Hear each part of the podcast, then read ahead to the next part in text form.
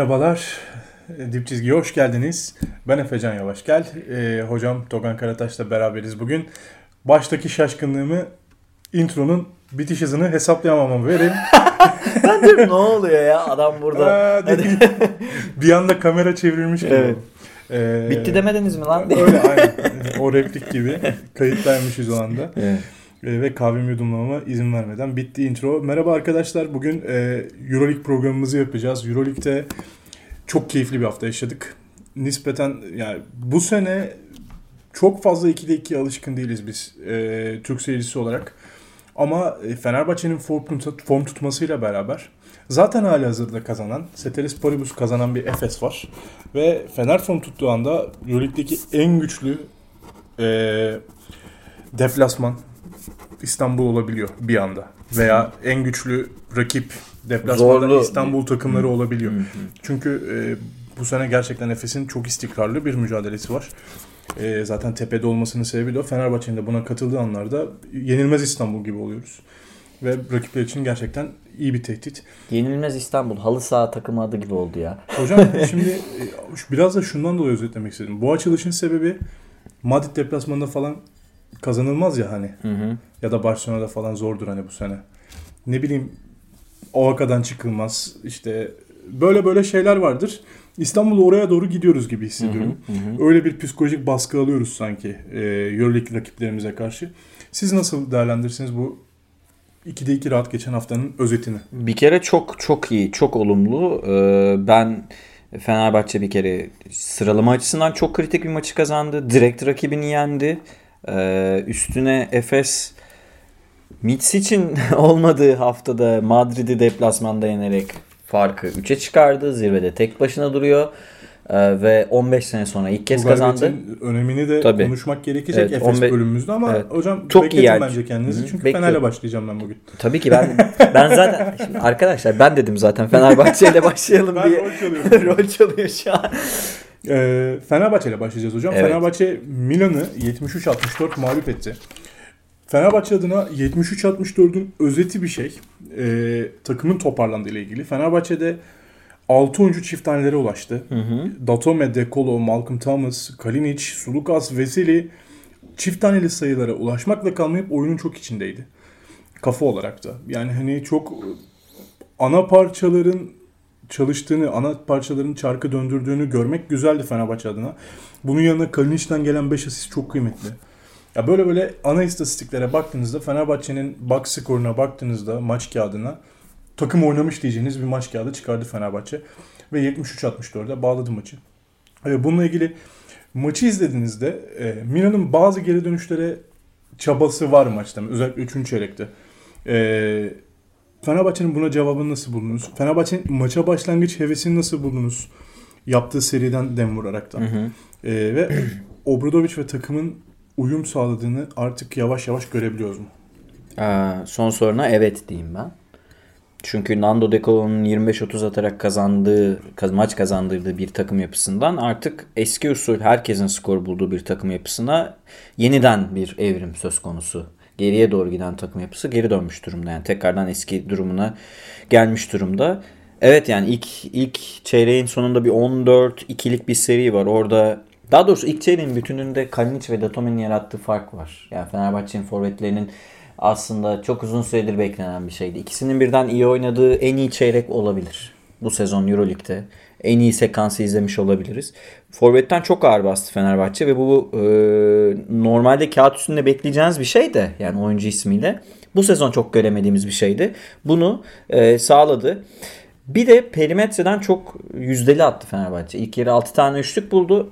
Milan zaten perimetrede dökülüyor. Milan'ın guardları çok formsuz durumda. Ee, Milan'ın hiç hazır gelmediğini söyledim. ya Form Milan olarak kötü geldi. kabul çok kötü. yani. Milan dökülüyor. Hatta devre arasında işte Efes oynanan maçtaki devre arası röportajında benzer bir şey söyledi Messina Hoca. Şut sokamıyoruz. Yani şut sokamıyor Milan. Fenerbahçe yalnız bayağı agresif rakibi püskürten bir savunma yaptı. Bunun hakkını vereyim. Rakibin e, şut pozisyonlarını, pas kanallarını çok ciddi seviyede bozdu. Tabi bunun yanında Milan'ın da bir ekstra formsuzluğu var. Onu da söyleyelim. E, ama şey geri dönüş büyük ölçüde Fenerbahçe şut sokamamaya başladı. Ee, ilk yarıyı 6-3'lükle bitirdikten sonra Datome'nin sağ forvetten biraz da uzaktan NBA at, NBA seviyesine attığı bir üçlük var. NBA çizgisinden. Ee, oraya kadar hiç perimetre şutu yoktu. Milan bir iki tane pick and roll üstü sayı bulmaya başlayınca ve tabii ki yani Tarçevski Tarçevski'nin. bela olunca e, Milan orada geri döndü ama nefesi bitti Milan'ın. 61-60'a o civara gelmişti maç. 63-60 ya da. Orada nefesi bitti. Fenerbahçe öldürücü darbeyi yani vurucu darbeyi yeniden yapacak enerjisi vardı. Ve yaptık. Evet maç krize girer gibi oldu yeniden. Fakat şöyle bir sorunu var Mina'nın. Mina'nın e, alçak posttan oyun kurmasını beklediği Mitsov ve aynı zamanda şut sokmasını beklediği Mitsov hiç formda değil. Sergio Rodriguez hiç formda değil. Hocam toplamda Evet. 16'da 3 üçlük atan Evet. Milan'dan bahsediyoruz. Evet, evet. 16'da 3. Evet. Ee, Sykes'ı aldılar skor bulsun diye. Sykes sahadayken skor bulabiliyor belki tek başına ama şey sorunu var. Yani oyunu yönlendiremiyor.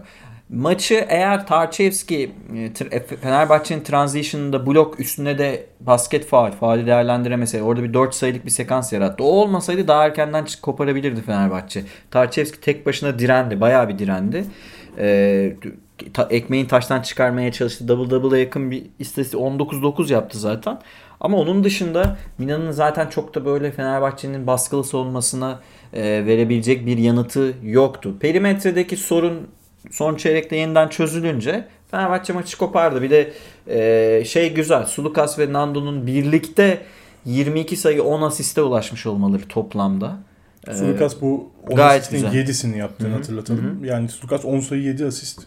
Çok iyi bir maç oynadı diyebiliriz yani. Malcolm Thomas da çok çok iyi maç çıkardı. Onu söyleyelim yani süre aldığı dakikalar. Özellikle Sadece Sulukas'ı çok rahatlatan koşuları var. Çok. Şeyde ya hücum anlamında. Veseli'nin artık yapamadığını düşündüğümüz koşulardan bahsediyorum. Bir de şey hoşuma gitti benim. E, bu dediğine ek olarak. E, takımın kısa oynarken bile rakibe fiziksel olarak üstünlük kurabildiğini gördük. İşte Golden State'in Durant'i 5 numara oynatması gibi. O aslında kısa 5 ama adı kısa 5. Aslında uzun 5.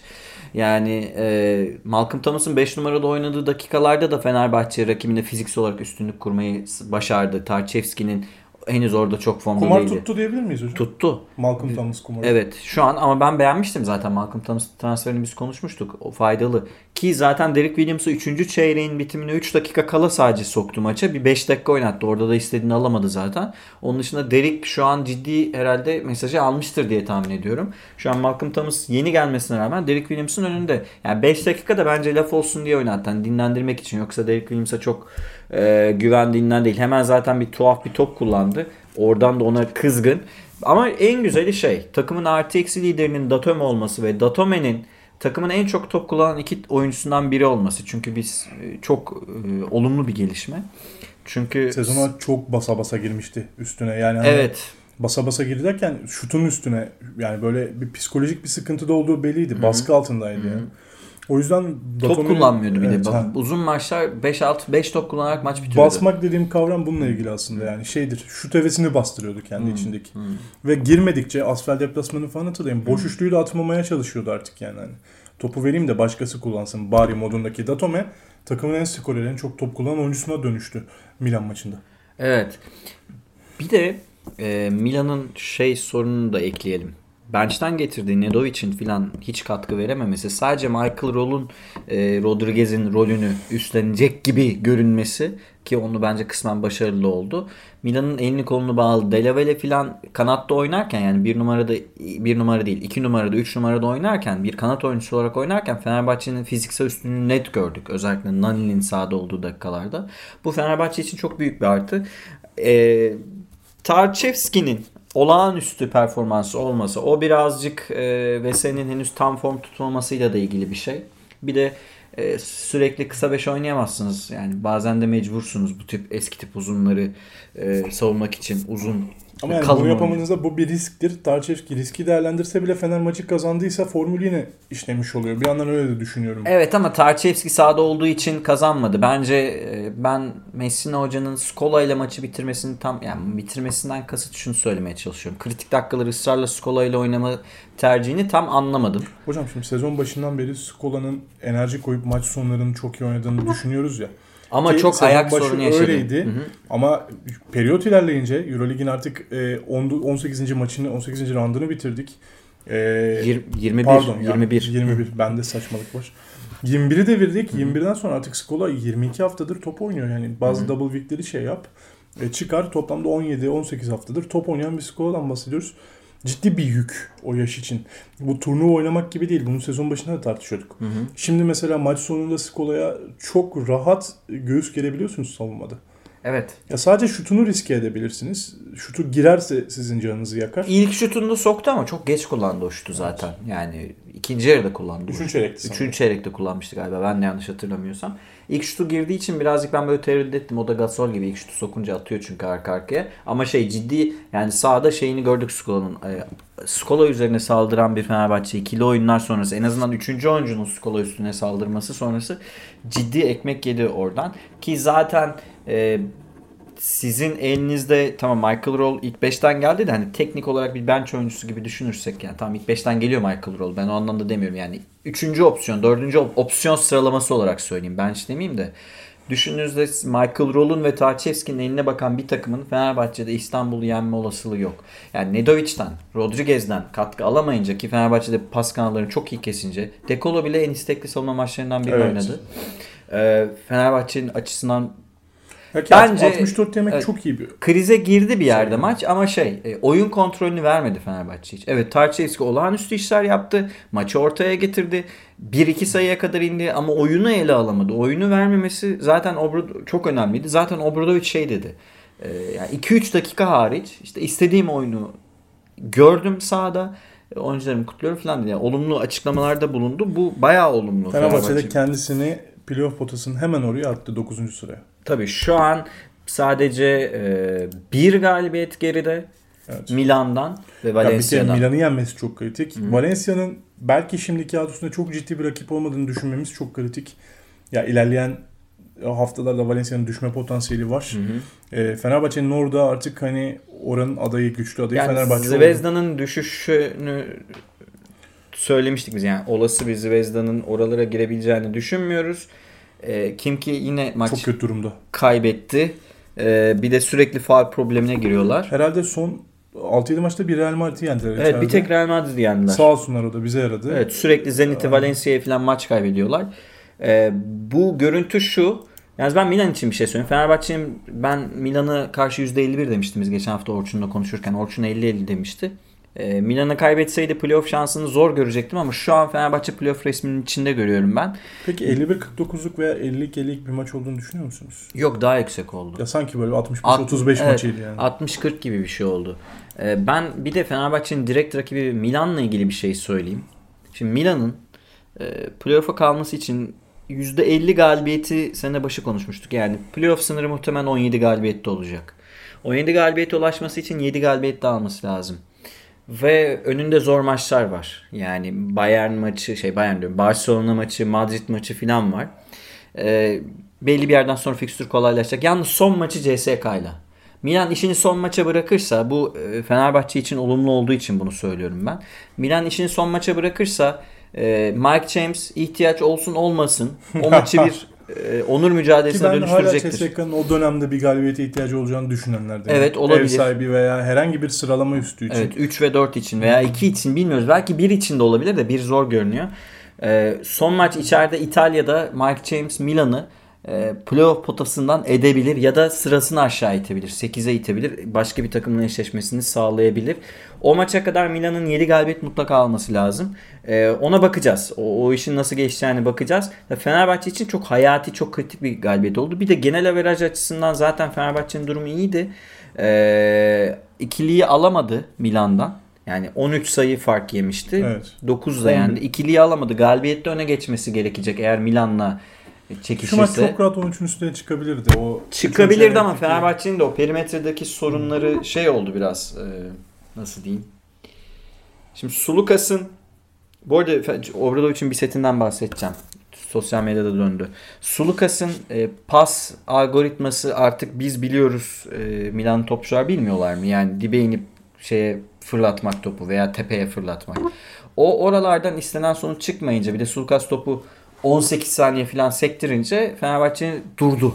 hücumda. Yani Sulukas'ın dakikalarının iyi ayarlanması gerekiyor. Tempoyu ayarlayayım derken Sulukas takımın freni oluyor bazen. Şeyi, şeyi söyleyeyim bak şimdi aklıma geldi. Ginobili 1 diye bir set söyledi.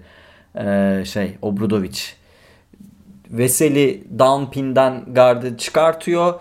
E, tepeye çıkıyor, pası alıyor. Sonra tekrardan sol forvetten saldıran guard sağ forvete ya da devrilen ortadaki oyuncuya e, pivota pas indiriyor. Artık o nereye kadar fırlatabilirse. O, o oyun gerçekten ya yani öylesine Ginobili adı verilmiş bir oyun değil. Oyun gerçekten Ginobili'nin oynadığı bir oyun. Aynısını, o setin aynısını Spurs'da oynuyordu. Kim kimden aldığı filan onu bilmiyorum. Yani Popovic Obradovic'den set alıyor bunu biliyoruz ama Obradovic de Popovic'den set alıyor olabilir. E, aynısını Ginobili de oynuyordu. Pikten çıkıp e, dumping'den çıkıp topu alıp sol forvetten saldırıp pası gönderiyordu. Ya sağ dipteki şutöre ya da devrilen uzuna. Ee, orada çünkü bir oyuncu mutlaka çok hareketli olunca bir oyuncu mutlaka kaçıyor. O bayağı güzeldi. Belki görüntüsünü görmüşsünüzdür. Görmediyseniz arkadaşlar dolaşıyor, zaten, dolaşıyor sosyal medyada bulabilirsiniz. Ee, şeydi bayağı güzeldi ve e, en sinirsiz için yani normal sinir katsayısının gayet iyiydi diyorsun. Tansiyonun iyi olduğu, takımın performansından memnun olduğu bir karşılaşmaydı. O açıdan ben e, çok önemli, çok kritik bir karşılaşma olarak görüyorum. Son 5 maçta Barcelona mağlubiyetini saymazsak 4 galibiyet yazıyor. Bundan sonra da Alba ve Zenit'i muhtemelen yenecektir Fenerbahçe. Ee, ben playoff'a gireceğini düşünüyorum Fenerbahçe'nin. Yalnız ilk 6 e, pek olası görmüyorum. 7 veya 8'den olacak bu. Çünkü Panathinaikos'la 4 galibiyet fark var şu an. Panathinaikos'un da e, ritimli basketbol oynadığını en azından evet. Oaka'dan Hı-hı. çok e, hata yapacağını düşünmüyorum Oaka'da. Evet. Yani Zalgiris anomalisini saymazsak 6. sıradan sonraki her takımın eksi averajı var. Bir Zalgiris'in artı averajı var. Pardon ben masayı şey yaptım. E, o da bu hafta içinden geçtiler Alba Berlin'in. Biraz onda etkisi var. Onun dışında yani ilk 6 biraz farklı bir seviyede. 7 ve 8 olmak önemli. Ben Fenerbahçe'nin normal koşullarda şu an 7. olması için bir e, ben neden de görmüyorum. çok uygun görüyorum Fenerbahçe. Hı-hı. Ki hani şu durumda Efes'in biri bırakmamasını Fener'in de 7'den girmesini çok isterdim. Evet en azından. Şu an Fenerbahçe'nin doğrudan CSKA Real Madrid'e diş geçirebileceğine inandığımız için. Kesinlikle. E, o yüzden iki takımımızın da yine Final Four'da görmek imkansız olmayabilir bu sene. Evet yani en azından bir yerine iki takımla oynamak yine Türk basketbolu için çok önemli olur. Çok iki sene üst üsteyle çok büyük prestij. Kesinlikle. Ee, Fenerbahçe maçını böyle kapatıyoruz hocam Hı. yavaş yavaş. Aklınızda bir şey kaldı mı? Ben ben de sizin gibi 7. sıraya Fenerbahçe'nin ufak ufak adım adım geleceğini düşünüyorum. Çünkü diğer takımların durumuna da bakıyorum arkadaşlar. Yani biz bakıyoruz. Valencia tamam formda. işte Kimki'nin durumu yani çok kötü durumda. Zvezda'nın kapasitesi belli. Fenerbahçe'nin görünen Milan çok kötü durumda. Şimdi o içeride kaybedilen Valencia Zenit maçları nasıl can sıkıyor değil mi? Evet yani çok yani direkt 5. lig 4. lig düşünülebilirdi yani Doğrudan an. işte kendinizi Makabi'nin bile önünde bulabilirdiniz o küçük maçlar olsa. Ama takım çok geç ritim buldu. Bakalım ikinci yarıyı nasıl oynayacak. Hı hı. Fenerbahçe maçını kapattık ve şimdi 15 sene sonra gelen bir deplasman galibiyeti Real Madrid'e karşı Efes'ten. Real Madrid 80-75 mağlup etti Efes. Ergin Ataman'ın ilk Real Madrid deplasmanı galibiyeti. Bizim özgüven açısından Aa Madrid'den de çıkılıyormuş dediden bence ilk galibiyet. Ya 15 senedir işte Fenerbahçe ile Efes anlamında konuşuyorum. P'enerbahçe kazanıyor. Fenerbahçe zaten kazanıyordu. Hı-hı. E, Efes açısından baktığımızda biz e, evet Efes Real çıktı. Yani bu psikolojik de bir üstünlüktü artık. Çok büyük bir dramaydı bence. Ya 15 sene kazanamamak. Hatta Ki iyi zamanında yemek. da kazanamadı. 57. En son galibiyet işte hocam birazdan bahsedecek ne zaman nerede. Tarihine kadar var hocamda. E, maçın görüntüsü var. Şey eski video kasetlere kaydetmiş. e, öyle bir maç. Ve dördüncü hafta üst üste MVP olan bir Shane Larkin. Bu sezon toplamda 5. kez hafta MVP'si hafta oldu. MVP'si oldu. Round MVP'si oldu. Bayern maçı var işte bir de. Ama e, bu sezon dördüncü kez üst üste. Yani 18. haftadan alıp 18, 19, 20 ve 21'in 21. roundların MVP'si Shane Larkin. Çok büyük bir başarı. Çok büyük bir seriden bahsediyoruz. 32 sayıyla oynadı Shane Larkin. 32 sayı, 3 rebound, 4 asist gibi yanlış hatırlamıyorsam Hı-hı. bir performansı var. Efes'in aslında özet olarak baktığımda çok iyi bir maç oynadı Efes ama Real Madrid deplasmanında ana istatistiklerin hiçbirinde Efes önde değil. Baktığınız zaman top, e, asist de önde değil, rebound önde değil. İkili katışlarda önde değil. Yüzde olarak önde olabilir ama adet olarak önde değil. Üçlük atışlarda önde değil adet olarak. Bir tane az attı. E, ama Daha 5 sayı önde ve Real Madrid 6 kez çizgiye geldi. 6'sını soktu. Efes 23 kez faul çizgisine geldi. 20 tanesini soktu. Sergio Llull'un mafya tweetini beğenmesi mi? Shane Larkin'in tutulamaması mı? Hocam. evet evet. Ya e, Sergio Llull Euroleague Mafya tweetini beğenmiş arkadaşlar. Yanlış Ben atmışımdır geçen sene Panathinaikos'a Ee, karşı Real'e yapılanlardan sonra onu beğenmiştir. Yani Euroleague'de e, 2000'li yıllarda Panathinaikos'un 2010'lu yıllarda da Madrid'in yani ne kadar korunduğunu söylemeye gerek Çok uzağa gitmeye gerek yok. Yok. Geçen seneye bakın. Evet. Şey, ya playoff'a bakın geçen sene. Yani hiç hiç ge Lul burada isyan edecek en son oyuncu, en son takımın bir parçası onu söyleyeyim. Ya burada ağlayacak bir şey yok. Daha fazla faal alması Efes'in delicilerinin daha iyi iş yapmasıyla ilgili bir şey. Daha iyi pozisyon yaratmasıyla ilgili bir şey. Bu, bu, bu, bu yani Madrid sırf daha az faal attı diye mutlaka bu arada 50'ye 2 falan değil yani. 23'e 6. Dolayısıyla mutlaka maçın kötü yönetildiği anlamına gelmez. Ben şeyden başlayayım. Zaten son 4 haftadır Shane Larkin'i tutmak faul yapmakla aynı değer. evet. Eş değer. Shane Larkin'i tutuyorsan faul yapıyorsun. Evet. Yani çok ciddiyim bu konuda. Ve, ve her hafta yani. ve her hafta bir hani tırnak içinde bilek kırma hareketi var. Var. Bu, bu hafta da var. Ama Yani- ya nasıl çarptı orada Jeffrey Taylor? yani, yani duvara yani hani inanılmazdı. Ee, ben önce Larkin'e gelmeden önce şeyden bahsedeyim.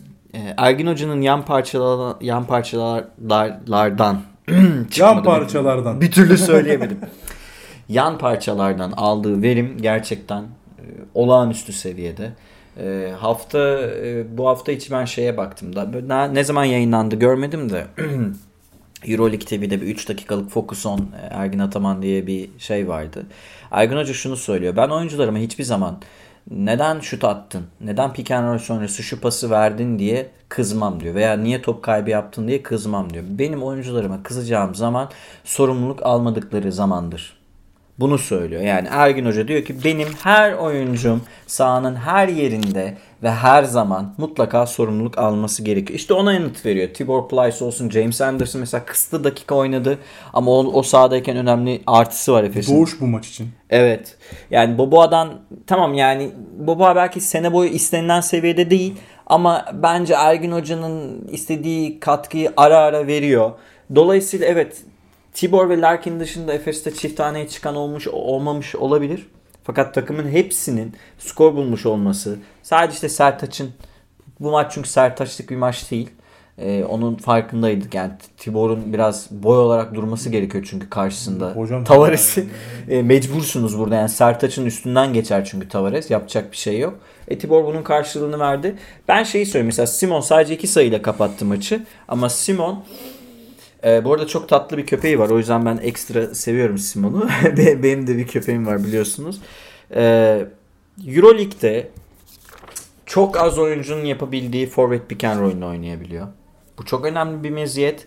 İkincisi e, Larkin'e gelelim. Şimdi buradan Larkin'e gelmek istiyorum. Simon ve yan, yan parçalar üzerinden. Şimdi e, temel box score istatistikleri dışında e, ileri istatistikleri zaten artık biliyoruz. İki şey daha konuşuluyor. Bir perde asistleri yani screen asist denen. İşte Rudy Gobert'in uzmanı olduğu.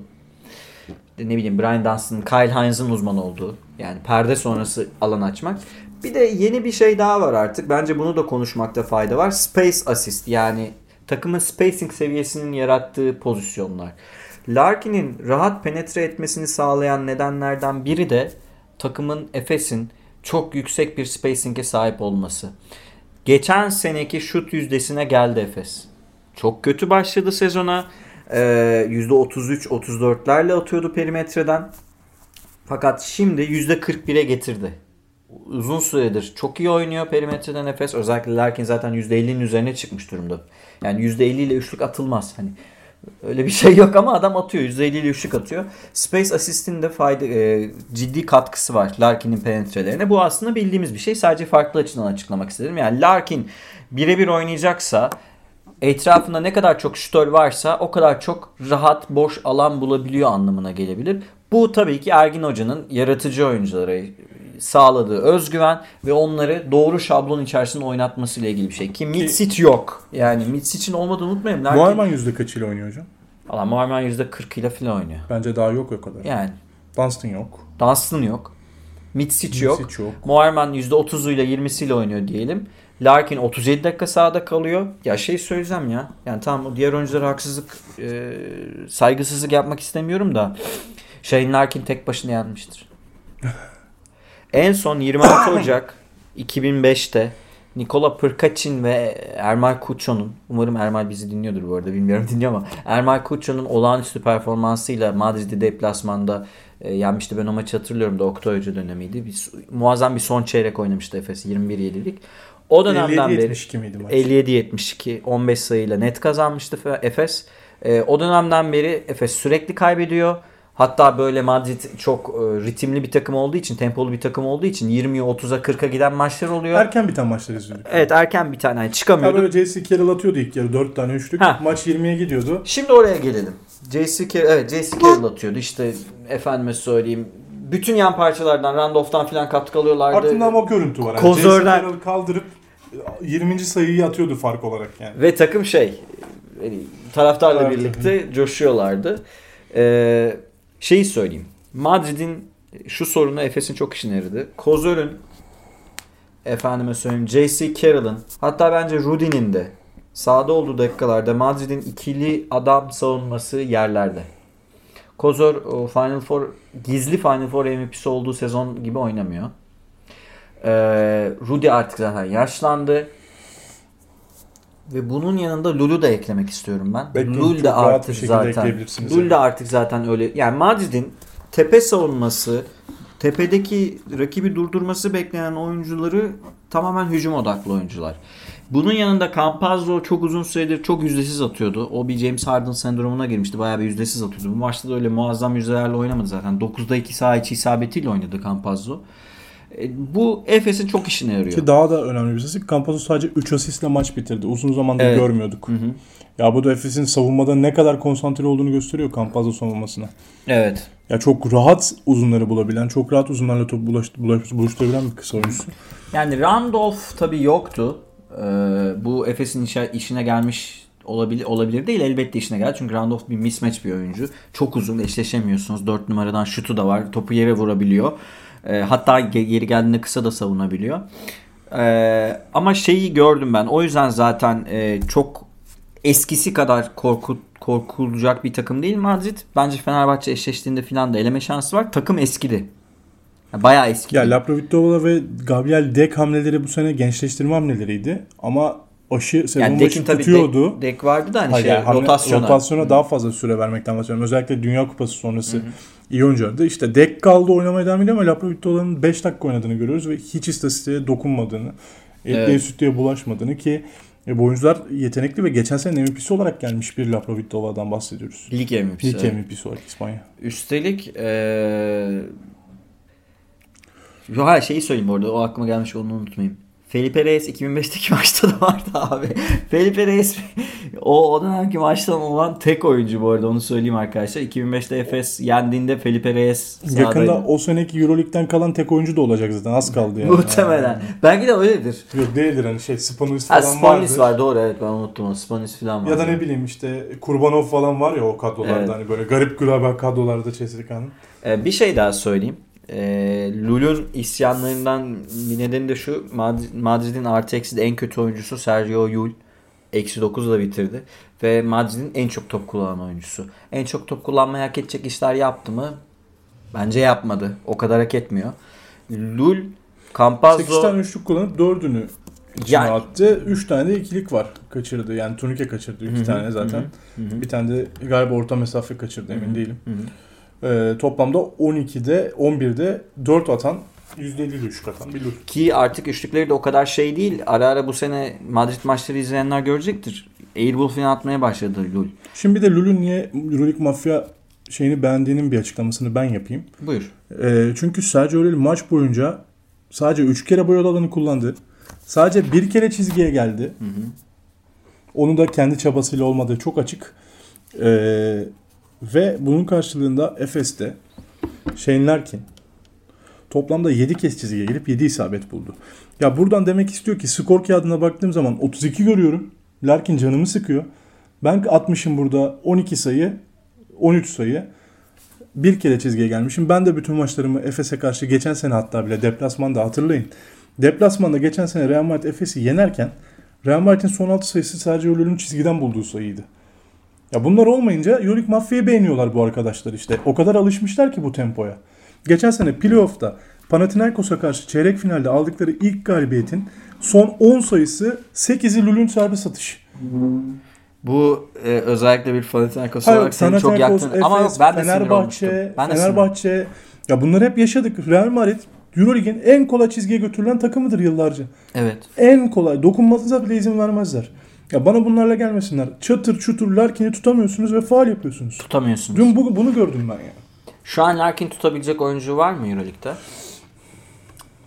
Ya belki zorlasa işte kim tutabilir? Ya ben hala şey taraftarıyım hani tek kişinin yapacağı iş değil o takım savunmasının yapacağı işte.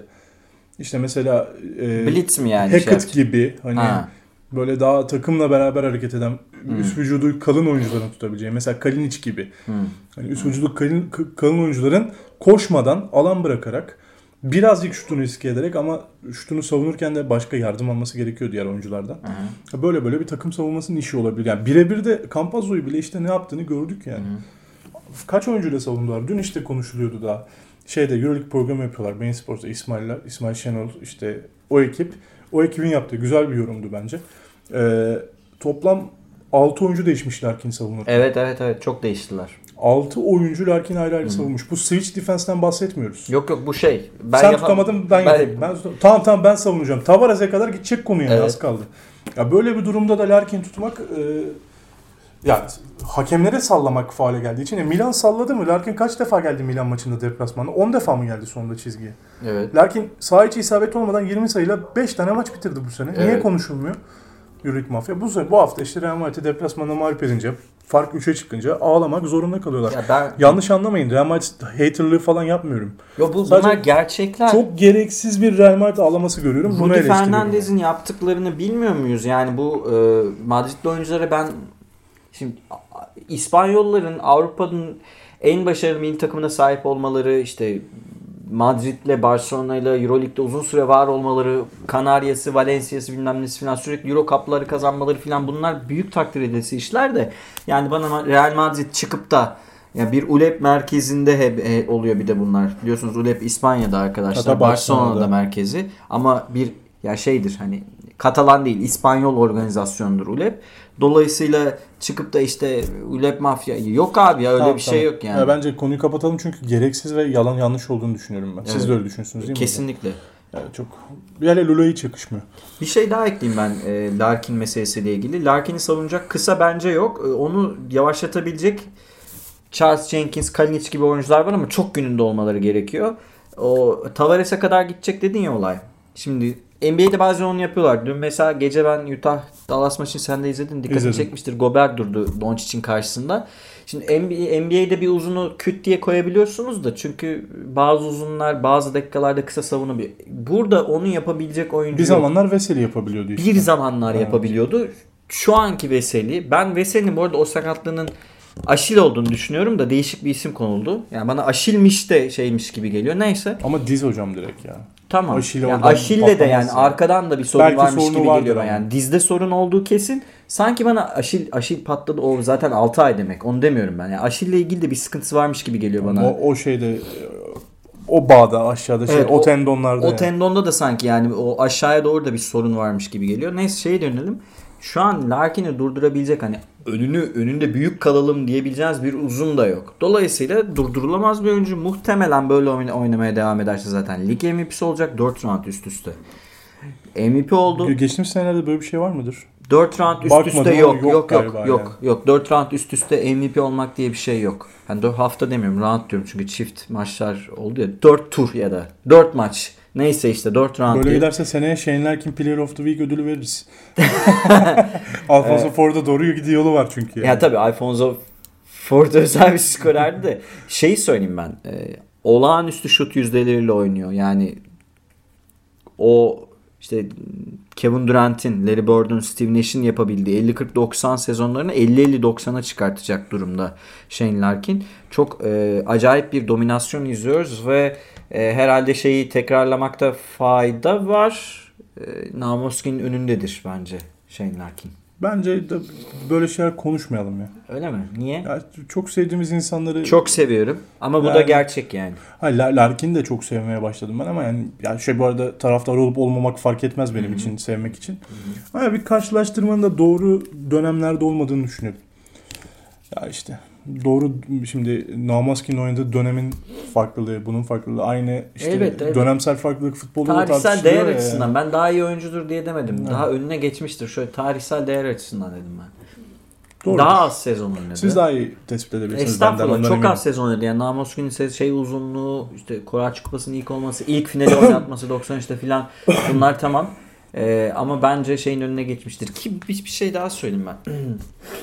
Mitsic'in özellikle Mitsic de Ergin Hoca ile ilgili şeyi söyledi. Larkin de aynı şeyi söyledi. Takım aynı kadronun e, devamlılığının sağlanmasında yani kadro devamlılığı, kadro istikrarının sağlanmasından bir kere çok memnun olmuş. Bu takımın özgüvenini arttırmış. Yani e, Ergin Hoca'ya bu nedenle müteşekkirler. Mitsic de aynı şeyi söyledi. O ufak bir röportaj izledim ben. Şey de ya daha doğrusu mini belgesel diyelim.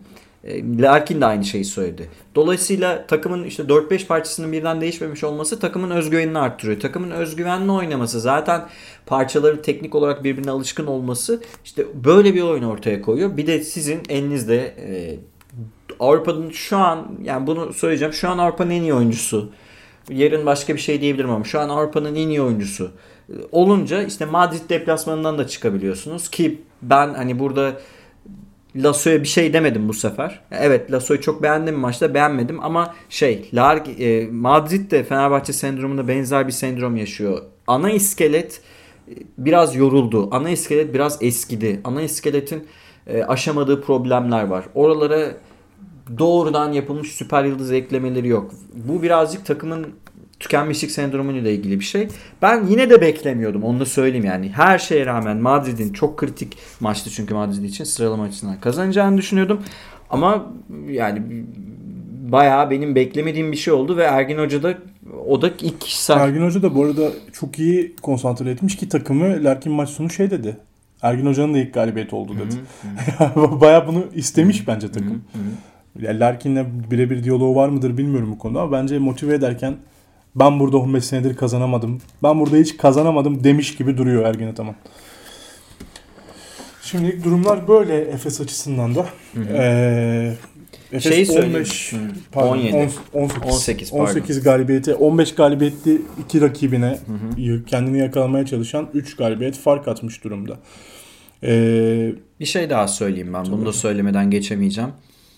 Ee, Eurohoops yani Eurohoops işte Eurolig'in resmi haber ajansı gibi bir şey neredeyse.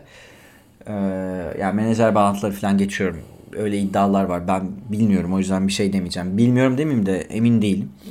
Ee, Pitino'yu haftanın koçu seçti. Allah razı olsun Larkin'i haftanın oyuncusu seçmişler. Ee, Pitino'nun takımı bu hafta Asvel'i yendi. Ben Panathinaikos Asvel maçını izlemeyi tercih etmedim. Ya kötü maç diye demiyorum. Yani o maçı tercih etmedim. Ee, Ergin Hoca için yeni bir motivasyon kaynağı bu. Haftalardır aynı şeyi yapıyor Eurohoops. Ergin Ataman'ı seçmemek için elinden geleni yapıyor. Yalnız bari şey diyecektim hani. Bari Pitino'yu değil de başka birini yani Asvel'i yenen takımı değil de yani- Obradoviç'e Obradoviç verseler mantıklı derdim mesela. Evet. Çok kafa kafaya rakibini yendi. Bir üstteki rakibini yendi. Ya da ya- yani abi seçin işte ya. Kostic'e falan verin. Biraz bu haftayı değerlendirelim üstüne konuşalım hocam. Bu hafta 8 tane ev sahibi kazandı. Bir tane Efes deplasmandan çıkabilen tek takım olarak bu haftaya damga vurdu.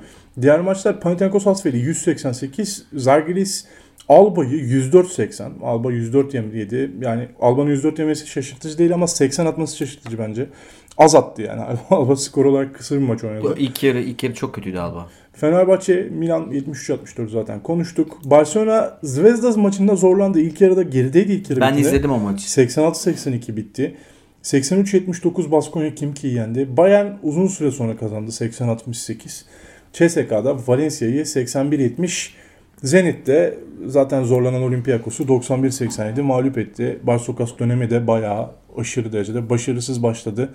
Olympiakos'un e, dökülmeye Nasıl seviniyor? devam nasıl ediyor. seviniyor? Nasıl seviniyor? Tamam hadi sen iyi bir şey söyleyeyim. Efes ligin offensive rating lideri. Zaten bunu biliyoruz. Defensive rating de değil ilk üçte. Ee, ligin true shooting de lideri aynı zamanda Efes. Hadi senin hoşuna gidecek bir şey söyleyeyim. True shooting de ikinci Pa- Panathinaikos. Uzun zamandır görmediğimiz bir istatistik. Yok aslında buralarda Panathinaikos offensive verimlilik de bayağı iyi bu sene. Bu sene iyi oynuyor. İyi faal atıyor. Perimetreden de iyi şut buluyor. Ee, Kalates'in asistlerini gördüm iyi. ben. Maçı izlemedim de Kalates'in bayağı güzel Nasıl? asistleri. Bayağı güzel asistleri vardı. 9.9 ortalama. O zaman 9.6 iddiada, be. iddiada Kalates 7.5 asist üst alt. Alırız hocam. alırız. Kaça alınmaz?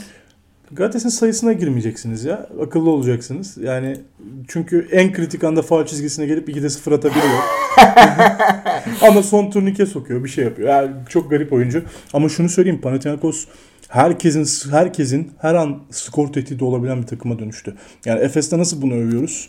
İşte Larkin tamam skorer ama herkes skor çıkarabiliyor. Yani şöyle herkesin perimetre şutu var. İşte Pa- Pau da tam öyle Tam değil. öyle ya. değil ama- Kalates ama sahadayken ama, Kalates top elindeyken herkesin şutu te- tehdidi var. Ya top Kalates'in denemiyor. elindeyken. Yani şey Panathinaikos şutlarının sadece %35'ini üçlük olarak deniyor. Onu unutmayalım. Bu düşük bir oran. Çok seçici. Çok seçici çünkü bir, bir kere Fredet gerçeği de var. Çok saf, bir, çok temiz bir skorer. Neyse ne Asfel'i yenmek ama haftanın en iyi koçu ödülünü almaya yetmez. Bu hafta Ergin Ataman'a ayıp. Obradovic'e ayıp. Zenit'in koçuna ayıp. Şey Bayern'in Bayern'in koçuna ayıp. Kostic'e ayıp onu diyorum yani. ama Bayern uzun Ma- süre sonra ama Maccabi kazandı. yendi ya. Doğru. Çok önemli Yani bir Maccabi galibiyet. yani. Çok önemli bir galibiyet. O yüzden Kostic'e ayıp. Ee, belki işte şeye dediğim gibi Zenit maçına verilebilirdi ödül. Ee, onun dışında bu hafta kime verilmez diye sorsanız herhalde bir adayım da Pitin olurdu. Asfel'i zaten artık bu gelinen haftada, bu gelinen roundlar sonrasında Asfel'i yenmemek playoff dışına çıkma tehlikesi yaşıyorsunuz anlamına gelmek gibi bir şey. Çok üstte değilsen. Ee, biraz fazla konuşup fazla yorum yapmaya başladım. Yo yo benim aklıma bir not geldi onu da vermek şey söyleyeceğim. Ee, söylemek istediğim hani Barsokas dönemini gerçekten eğlenerek falan söylemedim bu arada. Ciddi söylüyorum ya. Barsokas bence kötü bir seçimdi. Ya Olympiakos'un şu anki bulunduğu. Kimi noktada hazır bir koç ya eski bir koç, eski kafa bir koç hiç olmayacak bir seçimdi. Bunu söylüyorum. Ya bu saatten sonra ne olur bilmiyorum ama 1'e Ya 2, Beşiktaş'ın- 1'e 3 başlaması da komik Beşiktaş'ın duruyor. Sergen Yalçın'ı getirmesi gibi bir şey işte oğlum yani. Değil hocam. Sergen Ya- Yalçın yeni antrenör oldu. Barsokas antrenörlüğü bıraktı. Ya ne alakası oğlum? Zor mesela şu an Barsokas Ergin ekim Hoca... yapıyor. Tarlada Barsokas hocam. Ya tamam da bak şöyle düşün yani bu geçiş süreci. Mesela diyelim Ergin Hoca transfer... Diyelim Efes şampiyon oldu. Tekrardan düşüşe geçti. Ergin Hoca da Madrid'e gitti mesela. Ya da dinleniyor.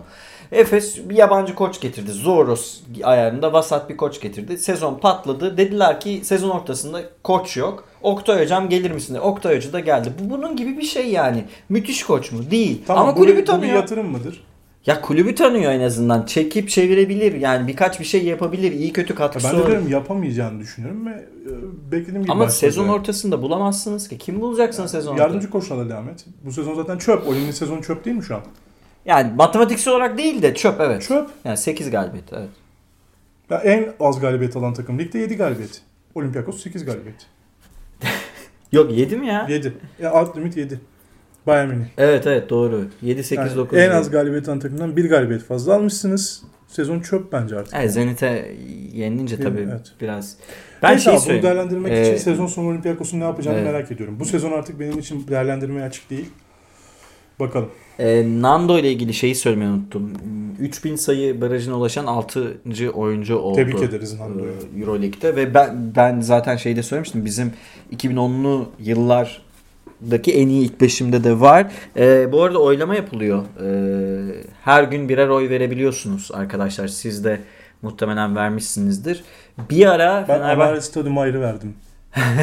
Yeni geldi ama say- Yok, saymadılar. Sarmadı. belirlenmiş 50 oyuncu arasından işte 10 tane seçim yapıyorsunuz. Muhtemelen ilk iki takım belirlenecek. Ee, Amare ile konuşalım bu arada. Ee, şeyi söyleyeyim de bunu unutmayayım.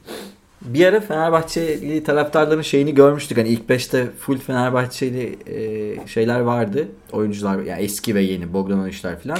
Yani bunu anlıyorum arkadaşlar. Ama şeyi de söyleyeyim. Yani herkes sevdiğine oy veriyor tabii. E, taraftar oylaması %25'ini belirleyecek e, bu seçimlerin. Muhtemelen yani Spolinis, Printezis, Skylines ve Nando sekmeyecektir. Beşinci oyuncunun kim olacağına bakacağız. Bu Diamantidis olacak gibi görünüyor. E, onu söyleyeyim. Şeyi konuşalım. E, Amare'yi. Ha Maccabi Bayern'e kaybetti ama bu hafta önemli bir gelişme vardı. Amare Stoudemire e, Maccabi'nin yolunu tuttu hocam. En son bıraktığımızda NBA'de e, oyuncularla eğitmen yaparken, John Wall'la eğitmen yaparken görüyordum ben. Ya çalışıyorlardı John. Wall'la idman yapmasın yalnız. John Wall çünkü orasını burasını sakatlayabiliyor Ya kendi hani kendine. ya en azından e, ter attığını görmüştüm ama bir anda Maccabi haberini görünce güldüm bayağı güldüm bu arada. Severiz de Amare'yi. Ama sevmek e, yaşını küçültmüyor. Ayaklarını hızlandırmıyor. Amare nasıl bir tercih sizce? Ben riskli bulanlardanım. Nasıl mesela sen nasıl? Ya vereceğin sürenin başkalarına verilmesinin hak edildiğini düşünüyorum yani, yani içeride. İşte çok iyi uzunları var Mak- Makabi'nin bir yandan. İşte bir yandan da işte bu seneki düzenin çok değişebilme ihtimali var.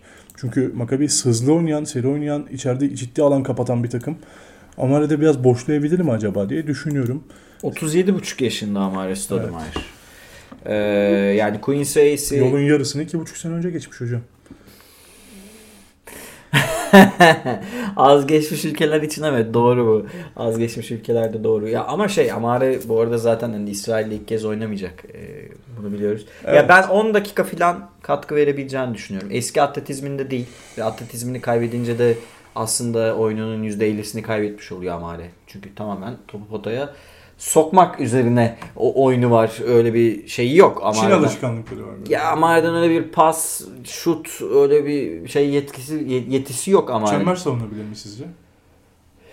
Ben bu noktada işte riskli buluyorum. O kadar emin değilim. Çünkü Euroleague oyununa alışmak çok faal alabilir. topu çembere atmakla ilgili bir derdi var mı? Şu an yok. Bence yok. Çok da fazla eli var. Ama o asıl derdi işte boyalı alandaki bazı savunma eksiklikleri veya işte perimetre savunması diyelim daha e, o Amare'ni ilgilendirmeyen kısım ama boyalı alan savunmasında Amare'ye güvenmiyorum şu an yani. Ya Otello Hunter yine daha böyle e, önünde Ya bir Tarık opsiyon Black olacak. var, Hı hı. Otello Hunter var. Sayesi ile birlikte onlar oynayacak. Boyalı nasıl savunduğunu biliyoruz. O yüzden de Amare 10 dakika bile bence fazla şu an Euroleague'de. Umarım benim çok sevdiğim bir oyuncu olarak benim yüzümü kara çıkartır. Çünkü Amare'den bahsediyoruz. Ne de olsa. Ya ben 10 dakikası e, olduğunu düşünüyorum. Yani onu söyleyeyim. Tamam Çin'den geldi bu arada. Evet, yani direkt. daha önce Hapoel'de oynamıştı değil mi? Evet Hapoel'de oynamıştı ama Çin'den geldi. Bilmiyorum ama bu koronavirüsü çok tehlikeli bir şey dünya için. Konuşuluyor şu an için. Ne Ha. derece olduğu. Çin basketbolunun, Çin futbolunun, Çin'in yaptığı yatırımların da Çin'deki yabancı oyuncuların bu sene bu ara çok transferini duyabilme ihtimalimiz var. Yani sonuçta bu çok ciddi bir sağlık tehdidi. Ee, çok ciddi bir tehdit. O yüzden de ben e, düşününce Amare belki de bunun etkisi var mı yok mu bilmiyorum ama Amerikalı oyuncuların özellikle Çin'den döneceğini düşünenlerden. Ee, muhtemelen en yaşlı çaylak olacak. Şimdi tam bilmiyorum. Ee, böyle o daha yaşlı çaylak olmuş muydu? Euroleague'in en yaşlı çaylağı olabilir. 37,5 yaşında. Olabilir baksalar. Ee, yani ben Çok hatırlamıyorum. tesadüf bir oyuncu çıkar şimdi yani canımız çıkar evet, sıkılır. böyle 40 yaşında İspanyol böyle. hayatında işte bir kere Euroleague oynamıştır. O sezonda işte takımın 20 senedir topçusudur. 40 yaşında çaylaktır. Geçen sene vardı bir guard şeyin e, Valencia'nın değil de Mala şey Gran Canaria'nın gardı yaşlıydı bak. Ha tamam hatırladım. Ben şimdi onun Adını adını, ben getireceğim. Tamam. Ya E, o ara ben konuşayım. Ama Pas Pascal Roller diye isim geliyor. O değil o değil. O değil. Tamam. Yok hocam. Gran Canaria ile geçen sene Euroleague oynuyordu ama yaşı 37.5'tan fazla mıydı emin değilim. Zannetmiyorum da aynı zamanda. Hı. E, bir şey daha konuşacaktım. Bu arada şey de var. E, biz programımızın başında söylemeyi unuttuk. Ama Larkin'in, Cedi Osman'ın dün sosyal medyada Larkin'in özellikle depremzedelere yardımcı olacağını. Bu arada ülkemiz Ha, evet, Elazığ'da, unuttuk, Malatya'da yaşanan 7 nokta şey 6.8'lik çok ciddi bir deprem yaşadık. E, iki gün önce ve e, can kayıpları var. O yüzden e, çok geçmiş olsun diliyoruz. Evet kusura bakma ben onu başta unuttuk. Başta söylememiz gerekiyordu ama şimdi hatırlayınca Larkin'in e, ve Cedi'den örnek vereceğim. E, basketbol camiası da bu işin içinde. E, biz de geçmiş olsun dileyelim. Umarım bir daha böyle şeyler yaşamayız çünkü ülke olarak e, çok zorlanıyoruz böyle şeyleri telafi etmekte, üstünü örtmekte. Ama yardım elleri basketbol camiasında geldikçe ben mutlu oluyorum. Cedi'nin yaptığına linç gibi bakmaya çalışanlar da. Ha, Ama onu söyleyeyim mi? Onu çok güzel tolere etti Cedi. hani. Onu söyleyeyim mi arkadaşlar? Cedi'nin onu yapma nedeni şu. Amerikalı oyuncuların öyle bir geleneği var. O yüzden Cedi onu yaptı. Yani daha önce işte Ki yardım da buldu bu arada. Sadece Evet. Cedi ile kalmadı olay. daha yani. işte sağda solda olan fırtınalarda filan da e, böyle yapılıyordu hani o bir şey sembol olarak kullanılıyor hani insanlar şey diyor yardım edeceksen et senin üçlüğüne bakacağız o tam öyle değil şimdi Amerika'daki alışkanlıklar biraz da bizim millete ters geliyor E, yoksa Cedi gayet iyi niyetli bir oyuncu onu söyleyelim E, zaten Türk milleti şeydir o konuda yani yardımseverdir Tabii yani toplu hareket eder, kolektif hareket Evet. eder. orada ben sonra ama şey oldu o, o sorun Hem çözüldü Larry Nance Jr.'ın Evet. hem e, işte futbolcuların Yusuf Yazıcı, Arda Turan vesaire. Işıl Alben yine basketbol camiasından. E, çok ciddi bir kampanyaya destek geldi. O yüzden de fena da bir meblağ toplanmayacak sonunda. Yine bir e, yemek sepetinin sahibi olan abi adını hatırlamıyorum. Eski sahibi. Nevzat Eski Aydın sahibi diyorsun. yani Nevzat Aydın. Onun da yine etkisi vardı. Bu yüzden de çok teşekkür ediyoruz biz de Dip Çizgi ekibi olarak. Yani ellerinden gelen her şeyi yapan insanlar için bu durumda basketbol camiasından da özellikle belirtmek istedik Dip Çizgi programında. Tekrar hepimize geçmiş olsun. Umarım Sadece reklam yapmayanların yardım yapmadığını düşünmeyin demeye çalıştım Ha, ben tabii ki, burada yani. tabii ki. Cedi onu yazmasaydı hiç e, yardım yapmıyor anlamına gelmezdi. Ya kimin yardım yaptığını bilemezsiniz. Böyle şeyler ya şey de bir mantıktır. İşte bir elin verdiğini bir yer diğer el görmeyecek. Bu da güzeldir. Sevdiğim bir kültürümüzdür. Ama diğeri de Amerika'da yaşayan bir oyuncu için fazla bir yardım anlamına geliyorsa, fazla bir e, toplanacak meblağın büyüklüğüne yardım olarak görünüyorsa ki öyle oldu. E, çok da makul. Öyle çok konuşulacak bir şey yok. Ya bunu yapan da var, yapmayan da var. Önemli olan bizim millet olarak ya bizim e, bu başımıza gelen doğal afet olayından, afet olayından yaralarımızı sarmamıza yardımcı olacak her katkıya bakmamız. Çok uzun tuttum kusura bakmayın ama çok önemli bir olaydı. ben ben kusura bakmıyorum ben gayet güzel dinliyorum seni şu an Ya çok e, bir de ne kadar her konuda her seferinde ne kadar tecrübesiz ne kadar e, çaylak olduğumuzu yaşasak da bunu çok uzun süre önce çok daha büyüklerini yaşadık ama bu sefer de çok ciddiydi. Her seferinde görüyoruz bu desteklere herkesin elinden geleni yapmasına ihtiyacımız var maddi manevi. Hı hı. Çünkü bununla ancak kurtulabiliyoruz. Düzenli çalışan bir şeyimiz yok. Aslında buna getirmeye çalıştım. Ee, bu yorumu da yaparak devam ediyorum. Ee, oyuncuyu buldum oyuncuyu hatırladım bulmanızı nasıl doğrusu. sağladım ama hocam? Evet. Nasıl uzun tuttum? Yok ama ben bulalı be bekliyorum. O- 12 dakika oldu falan diyormuşum böyle. Ee, ya, Ama benim sayemde bulduğunuzda bir teşekkür edin Evet evet teşekkür ederim.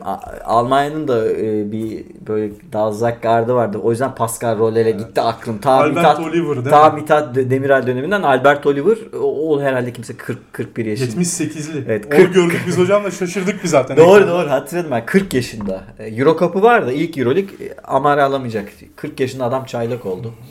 Herhalde ondan üstü de yoktur. Değil mi? Yoktur herhalde. Yok. Varsa da artık bizi affetsin. Yani evet. Albert Oliver bizim için en yaşlı çaylaktır. Bu dip çizgi ekibi onaylı. Baskıya ben verdim hocam şimdi. Tamam güzel. Ee, Güzel. Hocam ağzınıza sağlık. İşte bir şey daha Ha. ekleyeyim ben. Ee, Pierre Henry'nin e, sakatlığı var. Baskonya'nın da guard sakatlığı sorunu. Evet Baskonya artık yarıştan iyice e, kopacaktır diye tahmin ediyorum ben. O yüzden e, yarış iyice 2-3 takım arasına inecek. 7 ve 8 sıralaması. Yani Ya Valencia'nın ne kadar direneceği önemli o noktada da. ben Valencia'nın hala işini zor görüyorum. Kim ki Fenerbahçe ve Milan'ın arasında geçeceğini düşünüyorum. O sıralamanın ve Fenerbahçe'nin buradan 7. olarak çıkacağını düşünüyorum. Hadi Nedense. bakalım. Umarım öyle olur. Benim Evet. de isteğim o. Bir Efes 7 Fener bitirsek ve iki takımla Final Four'a girsek şahane olur. Evet. Ee, hem de böyle Fenerbahçe'de şöyle bir Real Madrid falan denk getirse elerken inanılmaz keyif alırım basketbol adına. yani bu Ulebe ben alırım bu sefer. Aa, elediniz çocukları böyle. Ee, öylesi bir durum hocam. Şimdi ağzınıza sağlık diyebiliyor muyum? Ben teşekkür ederim efendim. Sağ Hocam olun. sağ olun. Ee, gayet iyi bir programdı. Ee, Sizin sayenizde epey de yürüttüm. Ee, arkadaşlar teşekkürler dinlediğiniz için. Dinlediğiniz için Dip Çizgi bu haftalık yürüt programını kapatıyor. Hoşçakalın. İyi haftalar. Hafta içi NBA'de görüşmek üzere. Hoşçakalın.